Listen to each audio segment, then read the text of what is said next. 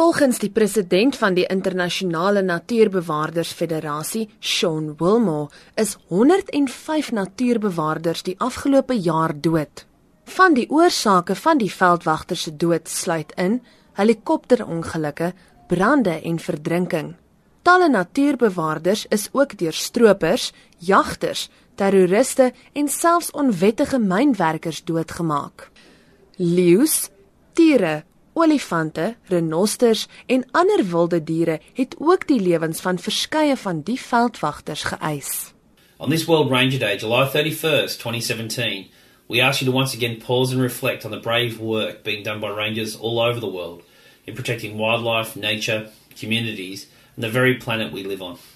Sadly, we also ask you to pause and honour the 105 brave souls who gave their lives on the front line of conservation in this last year. Willmore sê natuurbewaarders is ongelooflik dapper. On this World Ranger Day, I want to let you know that the family of rangers is growing. More ranger associations are joining the International Ranger Federation. More ranger associations are in the pipeline of being formed. And with the help of our charity arm, more rangers are being equipped, trained, and the widows and orphans of rangers killed are being supported. We are making a difference, but we must do more.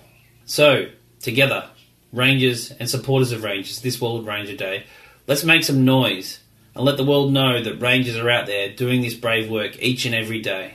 To the rangers there, my personal message to you is you are my heroes, you remain my heroes, you're my inspiration. I thank you every day for the work you do. I know the world thanks you too. Dit was Sean Willmore, die president van die Internasionale Natuurbewaarders Federasie. Ek is Dianke Nel vir SAK nuus.